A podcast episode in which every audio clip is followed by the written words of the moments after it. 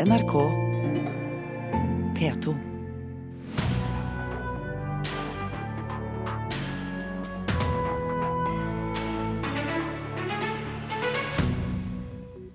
Anonym blogger får fast spalteplass hos norske mediehus, strider mot selve pressens idé, mener Norsk Presseforbund. Boken til den korrupsjonssiktede Eirik Jensen topper boklistene. Forlaget tror det handler om en lengsel etter å kikke norsk politi i kortene. Og kulturarbeidere holder kontakten med Russland, der politikere fryser ned forholdet under Ukraina-konflikten. Og det blir selvfølgelig Fredagspanelet i dag. Det er jo fredag. Og i dag snakker vi om eh, Vebjørn Sand, nakne mennesker på nett og lykkesanger. Kulturnytt får du med Birger Kolsrud Jåsund i studio. Det er feil å la bloggeren Doremus Schafer være anonym. Det mener generalsekretær i Presseforbundet, Kjersti Løken Stavrum. Den anonyme bloggeren har over tid drevet mediekritikk på egen blogg, men er nå fast og anonym spaltist i flere norske medier. I to år har Doremus Schafer latt fingrene hamre over tastaturet i sin nådeløse kritikk av norske medier. På bloggen sin plukker han journalistikken fra hverandre og påpeker faktafeil og halvsannheter som mediene har servert et intetanende publikum. Nå er Doremus Schafer blitt tatt inn i varmen og skriver fast for både Dagbladet, Tidsskriftet Manifest og til og med journalistenes eget fagblad, Journalisten. Det er bare ett problem. Doremus Schafer er et pseudonym. Det er ingen av leserne som vet hvem som egentlig skriver. Hvem er vedkommende? Har vedkommende noen interesser? Er det en årsak til at vedkommende mener det han mener? Spør generalsekretæren i Presseforbundet Kjersti Løken Stavrum. Pressens idé er jo åpenhet. Og derfor syns jeg det er viktig å utfordre anonymiteten. Pressegeneralen får støtte av Hans Petter Sjøli, som er debattansvarlig og kommentator i VG. Anonymitet skal tilhøre liksom det, det, de der mer ekstreme tilfellene av helt spesielle saker. Hva er det med hans prosjekt som, som, som tilsier at han skal få lov til å ytre seg anonymt? og Det kan ikke jeg si at det, det finnes her. Men ærlig talt, hvor stor skal man gjøre denne saken? Nå må man eh, heller sette inn kreftene på eh, større problemer i medieoffentligheten. Sier direktøren for Fritt Ord, Knut Olav Åmås. Fritt Ord har støttet den anonyme Doremus med 50 000 kroner, fordi de mener han har en viktig stemme i samfunnsdebatten. Alle debattanter må bruke fullt navn og bilde på VG-Facebook sine nettdebatter. Der er det overtramp over en lav sko. Så VG burde heller eh, sette kreftene inn på å få skikk på nettdebatten sin. Hva er det som gjør at han må være anonym? Det må han eh, selv gjøre rede for. Og det har han gjort. I et skriftlig intervju med NRK svarer Doremus Schafer dette på spørsmål om hvorfor han vil være anonym. Det har jeg som regel at jeg ikke går i noen detaljer om. Blant annet fordi det vil undergrave selve pseudonymiteten, og fordi jeg prøver å få mest mulig fokus på mine artikler, og ikke meg som person. Men jeg har skrevet et lengre essay i Aftenposten om ulike prinsipielle grunner til at det kan være nødvendig og legitimt å skrive under pseudonym. Jeg er enig i at det kan være problematisk å ha samfunnsdebattanter under uh, falsk navn, for å si det sånn. Sier Martine Aurdal, som er debattredaktør i Dagbladet, en av avisene som gir den anonyme Schafer fast spalteplass. Uh, men dette er altså eksterne bloggere som er på, under vår egen bloggfane, og syns det skiller seg såpass fra det, det vanlige materialet at det ikke går som en, en vanlig Dagbladet-journalist likevel. Alle som publiserer Doremus Schafer sine tekster, kjenner hans egentlige identitet og har forsikret seg om at han ikke har noen offentlig rolle eller noen synlige bindinger som kommer i konflikt med det å skrive en slik spalte, forsikrer Aurdal. Men det holder ikke for pressegeneral Kjersti Løken Stavrum. Kildevernet er til for å verne de som bringer fram informasjon som det er, er forbundet noen risiko med å bringe videre, eller at man skal ta hensyn til tredjeperson. Det er egentlig der kildevernet vårt slår inn. Det må i hvert fall ikke være slik at det er bekvemmelighetshensyn. Du kan lese hele intervjuet med den anonyme bloggeren under pseudonymet Doremus Schafer på våre nettsider nrk.no. Reportere du hørte var Lars Ivar Nordahl og Petter Sommer.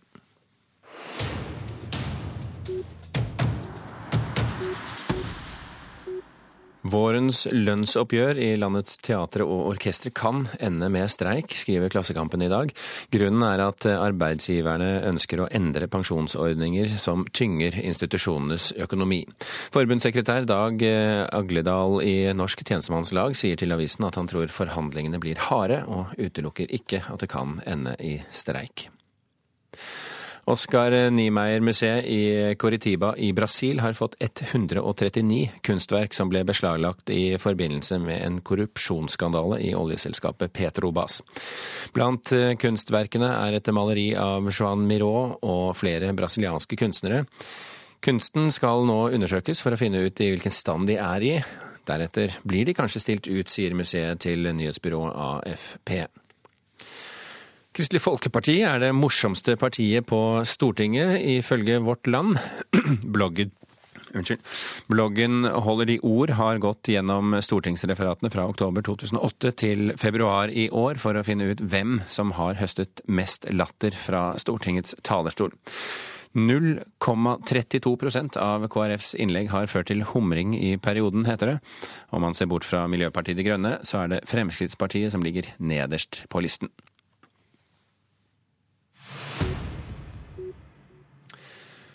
Selvbiografien til Eirik Jensen, politimannen som er siktet for grov korrupsjon og medvirkning til grov narkotikaforbrytelse, den har blitt en salgssuksess.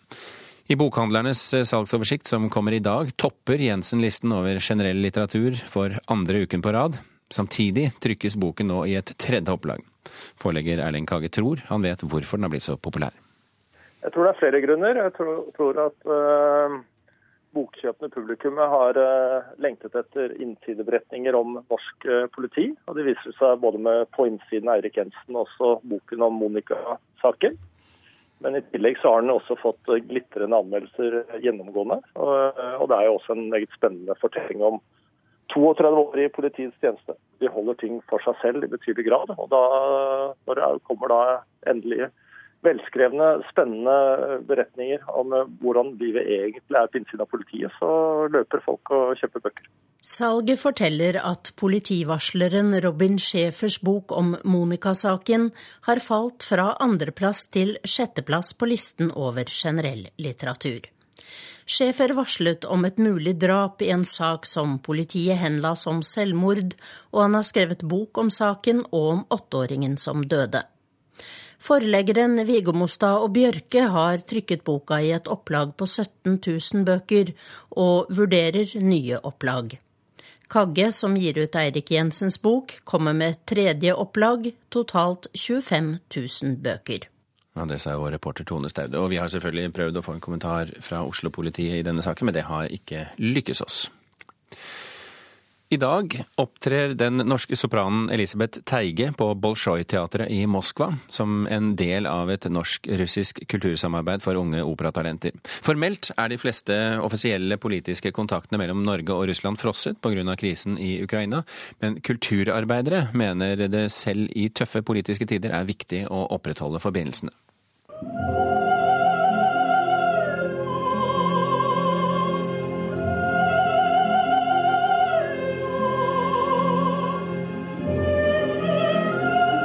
Elisabeth Teige fra Ålesund og Norge i full gang med prøvene på Bolsjoj-teateret i Moskva, der hun fredag kveld skal synge bl.a. et utdrag fra Tsjardas-fyrstinnen av Emerik Kalman, sammen med andre unge talenter.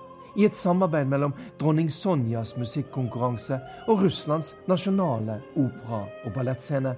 Det føles ganske stort, altså. Det, er, det føles som ja, det er en ære å få bli invitert hit og, synge. Um, det er et veldig flott hus, og folk er hyggelige, og ja. Dette er på en måte operaens mekka, dette her? Ja, jeg tror det er ganske mange sin drøm å få synge på Bolsjaj.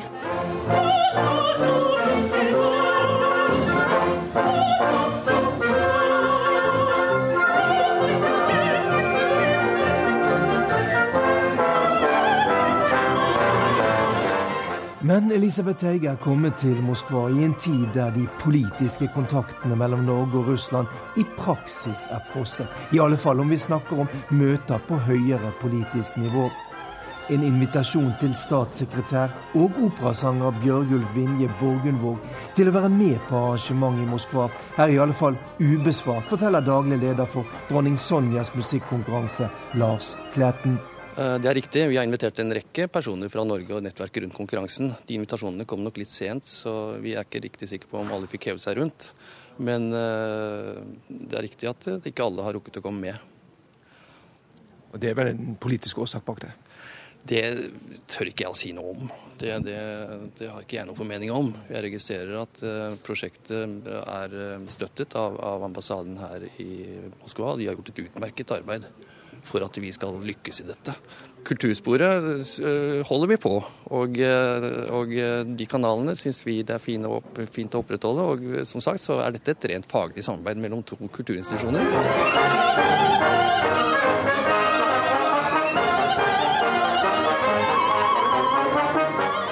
vi snakker jo sammen i musikkens språk, og at vi i sånne sammenhenger kan fortsette med det vi holder på med, eh, det syns jeg er supert. Syns du det er viktig? Selvfølgelig, ja. Jeg syns det er veldig viktig. Mm.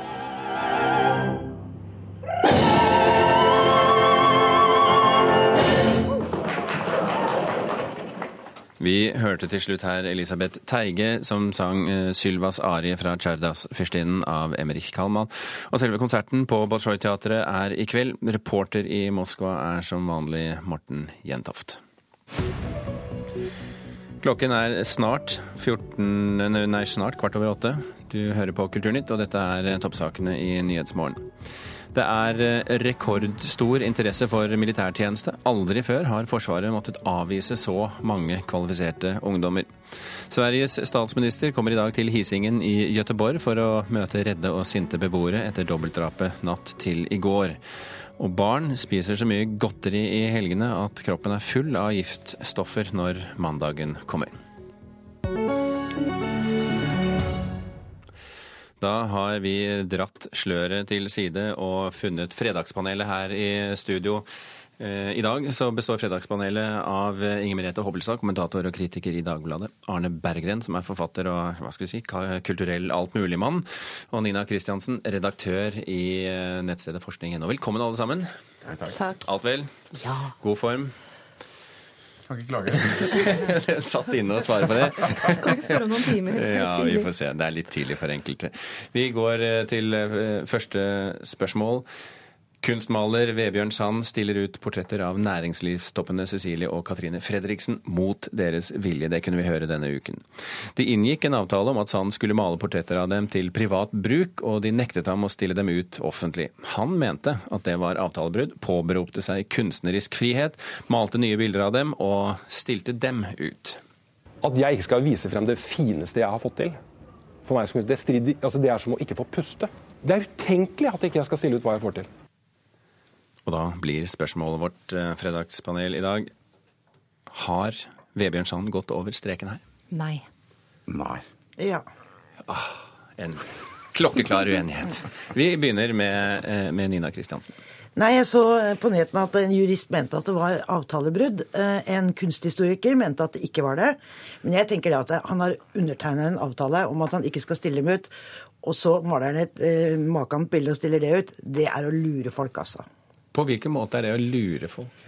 Altså, han sier han har gått inn på en avtale at han ikke skal stille ut de bildene. Ikke sant? Det er han undertegna på sånne det er ting. de bildene. Det er de bildene. Men så var det noen som er helt like. Altså i helt normal, vanlig forstand, så er det, er det lureri.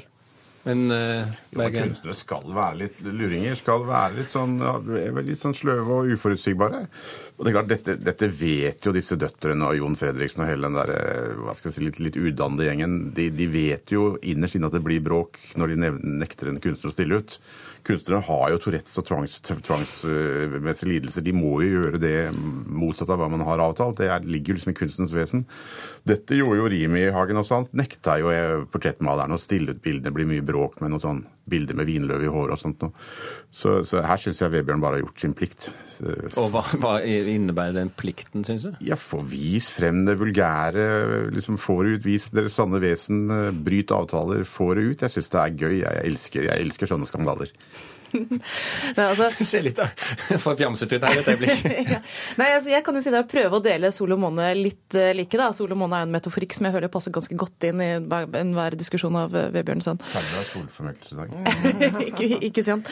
Nei, altså Man styrer jo ikke uh, hvem som tegner deg, maler deg og stiller det ut. altså det er jo, Da vil jo karikaturtegnere, malere, ikke sant? hvem som helst ha bånd på seg som du ikke, ikke kunne ha. Så sånn rent prinsipielt så tenker jeg at, eh, at eh, de døtrene ikke har noen spesielt god sak. Så er det jo ikke spesielt hyggelig gjort av Vebjørnson. og det er noe som, altså Hvis den grad har noen konsekvens, så er det jo bare for ham selv. altså all den tid. Eh, det er lite trolig at han vil bli benyttet akkurat samme oppdrag igjen fra noen som ønsker seg det samme, da, av når de først eh, blir portrettert som eh, greske muser eh, fra oldtiden. Men altså, vi problematiserer litt denne kunstnermyten også. fordi hvis man skal gå, det, altså Den tanken om at kunstneren er en sånn fri sjel som river opp alle normer og gjør som han vil, og skal gjøre det, det er jo en svært moderne oppfinnelse. Den kom jo med romantikken på 1800-tallet. Altså Hvis Vebjørnson hadde levd i den epoken han beundrer mest, nemlig renessansen, eh, så ville han jo vært prisgitt lunene og humørene og økonomien til Medici-familien og andre storfolk. Og da ville han gått fint inn der og malt sønnene og døtrene deres eh, som Herakles og Afrodite og tatt pent imot pengene og sagt bare pene ting om dem og gått ut og vært stille. Så gjennom mesteparten av kunstens historie så har man jo måttet opptre annerledes enn hva Sand gjør nå. Og så er spørsmålet, Nina Kristiansen, hva er sterkest? Den juridiske beskyttelsen som ligger i en avtale, eller den kunstneriske friheten? Men jeg, jeg liker jo også den der litt ville kunstneren som bryter avtaler og gjør helt motsatt. Det er jo derfor vi liker kunsten, ikke sant? Men her er det jo spørsmål om sånn uh, han eh, Hvis han er så rabulist og så tøff, så burde han på en måte kanskje ikke gå inn på en avtale med rike mennesker om å ikke stille ut. Altså Først gjør han det ene, og så gjør han det andre. ikke sant? Med den ene hånda og den andre hånda. Og det er jo litt sånn ufint, da. Men det er jo klart at hvis du spør om skal jussen eller kunsten virke, vil jeg jo alltid svare kunsten. Klart det. Det er jo gøyere, det. Er det det det handler om, Bergen?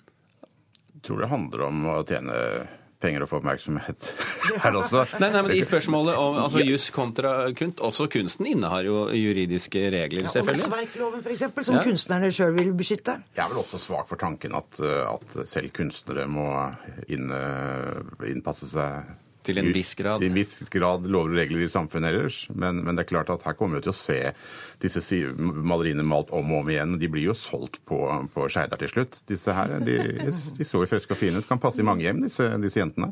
Pene bilder. Ja, litt vulgære døtre kanskje, men flotte bilder. God idé å gjøre det sånn gresk. syns jeg du er slem mot uh, Fredriksens-døtrene. Ja, jeg, jeg syns det er en harry opptreden. Det må jeg, det, jeg, jeg syns Hva er det er er jeg- harry venn? Jeg syns uh, ideen om å Altså disse bildene Jeg syns Jeg syns Jeg vet ikke hvordan dette, denne familien fremstår i mediene. Uh, De, de prøver jo å ikke fremstå i mediene. jo, men dette er, det er jo resultat av uh, ja, det er resultat, Jeg tror de vil Jeg tenker konspirasjon alltid, naturligvis. Jeg tenker at Når de gjør det på denne måten her og nekter å stille ut bildene, så blir det bråk. De visste at dette ville skje, og det er, en, det er liksom en, en litt sånn vulgær måte å få den oppmerksomheten man ønsker på. Jeg tror, Uten å liksom få den. ja, jeg tror, tror dette, er, Hva- dette er en plan. Hva sier du til Nei, jeg, dette? tr- jeg tror ikke døtrene visste at dette ville skje. Jeg tror mer at man har, altså Det er jo business som møter en annen verden. altså Man tenker at en avtale er en avtale, og så ser man at ja, men her går det an å ta en liten snarvei. Det som er kjekt med å være kunstner, er at man alltid kan påberope seg kunsten, som man jo, kunstens frihet, eh, som man jo på mange måter skal og kan. Eh, Men det er vel ikke bare det som er eh, styrende her. Det er vel et eh, visst lite økonomisk motiv fra Sands side også, og ikke minst det med at han vet at han har fått et innblikk i en familie som nettopp prøver å holde seg litt skjermet. Eh, Og det at han kan da appellere til den litt sånn kikkeren som jo bor i eh, visstnok oss alle. ja, Ikke deg, selvfølgelig. Det er Ikke meg. ingen- nei, Jeg driver nei. ikke med sånt. Vi, eh, apropos kikking, vi skal gå til neste spørsmål. For den offentlige tjenesten slettmeg.no, som hjelper folk som blir misbrukt på internett, eh, har rekordstor pågang eh, av ofre for seksuell utpressing. Men veldig få av dem som, eh, veldig få av de som blir utpresset, anmelder eh, til politiet, og det er fordi de skammer seg, sier de. Spørsmålet vårt er kan folk bare ha det så godt når de kler seg nakne på nett? Nei. Nei. Nei. Der var det mer unisont, ja.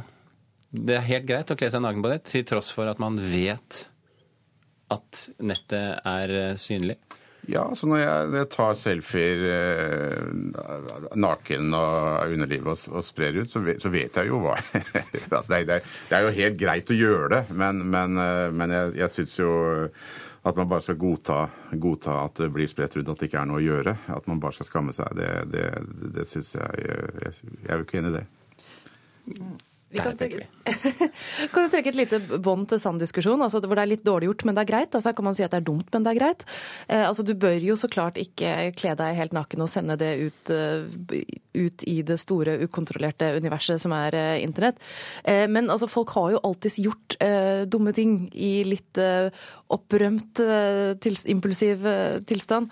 Og jeg syns det er helt greit at når det da har så alvorlige konsekvenser at det er et visst vern altså, som går på at man ikke skal bli utnyttet helt sønder og sammen for ting man gjør i svake øyeblikk. Det, er, en stor forskjell. fordi at, Dette her er jo snakk om triste historier om ungdom som eh, kler av seg og tenker at de skal ja, enten gjøre inntrykk på noen eller gjøre karriere. Det er ikke bare ungdom, tro meg. Det er voksne, ja, altså. Ikke sant? Men, men jeg kanskje synes i hvert fall at når det gjelder ungdom, da, som kanskje opplever større konsekvenser også fordi at de blir litt eldre og skjønner hva de har gjort, så er det klart at jeg har jo veldig lyst til å verne dem på en eller annen måte. Gjerne ved hjelp av regler og sånt, men det går jo ikke. Altså, Vi kan jo ikke eh, forby eh, ungdom eller andre å, å gjøre dumme ting. Eh, alle som tar et bilde i dag, burde være klar over at det kan spres. Men den, den digitale kompetansen har jo ikke folk ennå, da. Men, men, er det ikke, eh, altså Spørsmålet mitt går mer på eh, når, når de nå en gang mot bedre vitende, for alle vet at bilder spres på internett.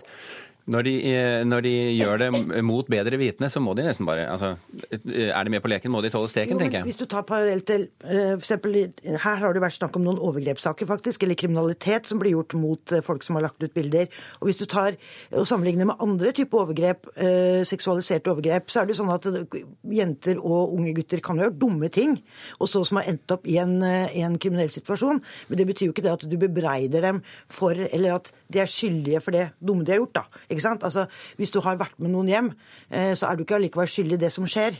Så Derfor så er det ikke sånn at de som tar bilder, må liksom tåle all mulig slags spredning eller all mulig slags bruk av bildene. Berggren, du ser så alvorlig ut plutselig. Nei, jeg satt og tenkte på Vi er jo også Det er jo litt sånn to forskjellige saker hva folk sprer på nett og disse overgrepene, som du sier. Men, men vi, vi, blir jo så prippende også når Facebook prøver, prøver å uh, sensurere nettet og passe litt på. Uh, og det jeg satt og tenkte på, var rett og slett noe så, så, rart som at jeg er veldig glad at det ikke ligger bilder av mora mi som ammer meg på nettet. Og det er veldig hypotetisk. Altså Hun er jo for lengst død, og Facebook var ikke der. Men det, vært, altså, det var der jeg falt av nå. Jeg satt og tenkte på det. Underlivsselfier er greit, men at mora di ammer deg, er ikke greit? Er ikke det litt uh, Nei, men jeg, plutselig så satt jeg og tenkte her at uh, det er noe litt rørende og fint også at Facebook er litt prippen og sensurerer litt, og at, uh, at man går litt etter brystvorter og, og, og ammebilder som kan ramme i ettertid, tenkte jeg. Eh, altså Brystvorter og ammebilder og hvilke prikker og flekker som kan synes ikke er noe én eh, ting, men altså i dette tilfellet så snakker vi om ting som går til ren utpressing, rett og slett, og som brukes til å få holde en slags kontroll på folk, da, til å styre hva de, hva de, gjør og ikke gjør, og presse penger av folk i det hele tatt. Og det er en forferdelig ting. altså Uansett er jo ikke det greit. Uansett det, er, bør det finnes beskyttelsesmekanismer som gjør at det eh, vanskelig kan skje, og som bør passe på at, at det er mulig å forfølge. Men jeg må jo bare si det at de fleste, ja, de fleste henvendelsene jeg har fått via Slettmeg, er jo det at folk ikke liker bildene av seg sjøl, portrettbildene. De syns ikke de er pene nok. Så forfengelighet, rett og slett. Ok, ja, det, det, Der går vi ikke inn, det blir for stort tema. Vi går til neste og siste spørsmål. I dag er det FNs lykkedag, og generalsekretær Ban Ki-moon har invitert hele verden til å plukke ut låter og lage spillelister av låter som gjør dem lykkelige. Selv har han denne låten eh, som favoritt.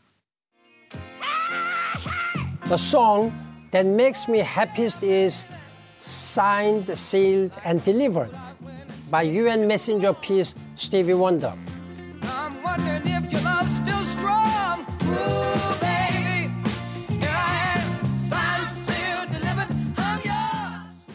Og da blir spørsmålet har noen av dere tro på at prosjekter som dette vil gjøre verden lykkeligere? Nei. Nei. Ja. Ja, hvorfor det? Uh, nei, For det første så er det noe veldig søtt ved Ban Ki-moon, som jeg nå mistenker bruker da denne posisjonen sin rett og slett for å få spredd lista si.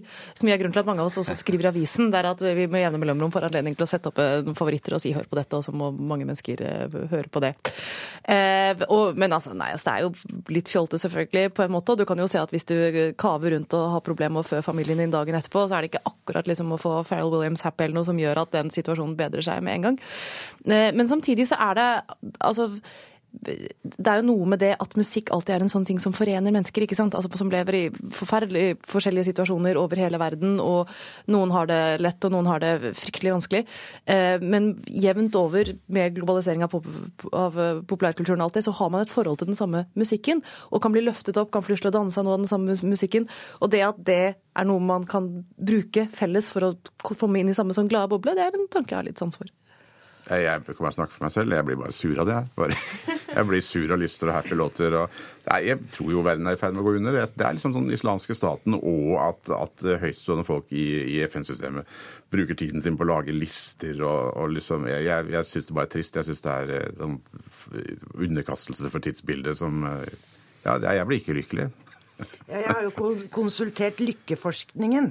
Ja. Og Lykkeforskningen sier at uh, det er uh, tre ting. Helse, familie og arbeid som gjør deg lykkelig. Penger gjør deg ikke lykkelig. Altså Hvis du først har minimum, så blir du ikke lykkelig av penger. Og eldre folk, altså folk over 50 år, er lykkeligere enn folk under 50 år. Og 90-åringene f.eks. er nesten aldri sinna, mens det er 20-åringer. Men vi hadde jo Audun Mysja her, som har forsket på dette, lege, ja. lege og musikkviter, og ja. han sier jo at musikk kan gjøre folk lykkelige. Ja, Det han sa, var vel mer at musikk kan gi glede, og mye glede kan gi lykke. Men at lykke er noe mer permanent enn den gleden man får av musikk, sånn kortvarig, da. Ja. Men eh, Bergen, hender det ikke at du hører låter som eh, gjør at du danser litt bortetter? Det, det har vel hendt. Men, eh, men, Du er ikke stolt av det, men Nei, jeg er ikke stolt av det. Og jeg vil ikke ha det spredt på nettet eller ut på utstilling. Det vil jeg ikke. Det er en privatsak. Vi kan ikke gå inn på favorittlåt her, altså? Overhodet ikke. Nei. Ok, Nei, men du, eh, da eh, lar vi det være siste ord sagt i dagens eh, fredagspanel. Inger Merete Hobbelstad, Arne Berggren og Nina Kristiansen var dagens panelister. Vi i Kulturnytt har tenkt til å runde av som vanlig. I dag har vi fortalt om Dormus Schæfer, denne bloggeren som er anonym. Du kan lese mer om ham på våre nettsider nrk.no kulturunderholdning. Kulturnytt er slutt. Marianne Myrhol, Vidar Sem og Birger Kolsrud Aasund takker for følget. Hør flere podkaster på nrk.no podkast.